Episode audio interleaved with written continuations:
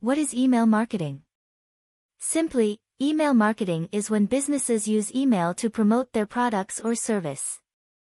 But it is more than that it is an exciting tool where you are communicating personally with customers building trust and credibility with prospects creating leads and generating sales plus giving customers an engaging experience.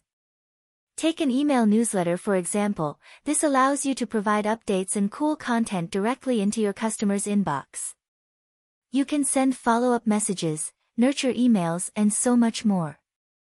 You don't need a BIF budget and email marketing work for businesses of any size, anyone can do it. The return on investment can be massive. Guidelines for email marketing. What type of strategies should you use?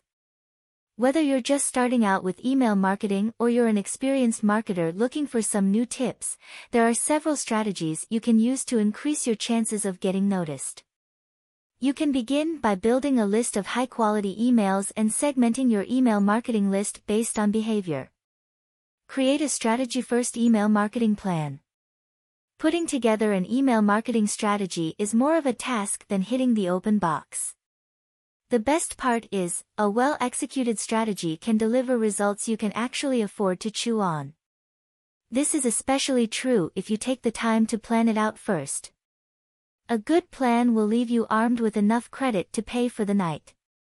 There are a myriad of email marketing tools on the market to choose from. The best ones are a cut above the rest. Some of them are even free. Creating a top-of-the-line email marketing plan may seem like an impossible task, but with a little forethought, it can become a breeze. Build a high-quality email contact list. Creating a quality email contact list is a crucial part of a business marketing plan. Without it, your business could be missing out on thousands of potential customers. So, how do you go about building a list that will be worth your while? Luckily, there are plenty of ways to go about this task. Some of these include the standard opt-in forms found on most websites, while others are more creative. The most obvious way to go about this is to have a compelling offer to lure prospective customers to your doorstep. Aside from the obvious sign-up form, you can also try creating a pop-up that appears when a visitor is about to leave your website. This is not always an obtrusive proposition, and it's a great way to get someone's email address. The trick is to make sure the pop-up is not overbearing, and that it is positioned in a place where the user can't resist. Segment based on behavior. Using behavioral segmentation can help you group your customers based on their buying patterns. This can help you determine where your customers are in the buying process and what type of incentives they respond to. Segmentation can also help you develop a customer loyalty program that will keep your customers coming back to buy more of your products. Segmentation can also be used to increase the effectiveness of your email marketing campaigns. By understanding the way that your customers behave, you can send more targeted and personalized messages. Segmentation can be based on demographics, psychographics, geographic regions, content types, or past purchase histories. You can also use this data to develop rewards programs for your most active users. Segmenting your email list based on behavior can help you identify subscribers who aren't open to your content. You may need to send an email campaign to re-engage these subscribers. They may be away on vacation, busy, or just haven't opened their emails in a while. Personalize your emails.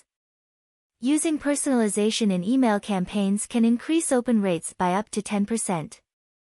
It can also boost click-through rates by up to 14%. In addition, personalized emails improve revenue by up to 5.7%. It's not hard to implement personalization in your email marketing campaigns. The first step in building a personalized email campaign is to collect subscriber data.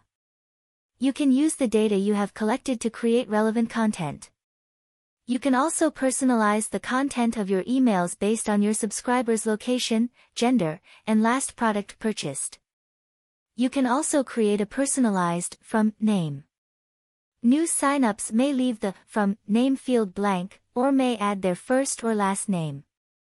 Personalizing the from name can increase open rates. Avoid spam filters.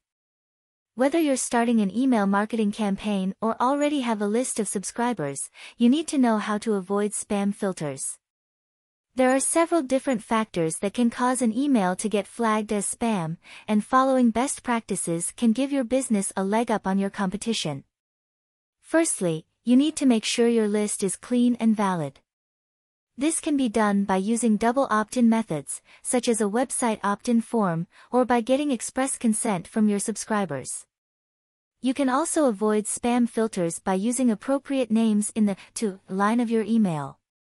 This will help build a sense of trust between you and your subscribers. Another way to avoid spam filters is to include a link to your website in the email. This is a good practice that will also increase the chances of your message being opened.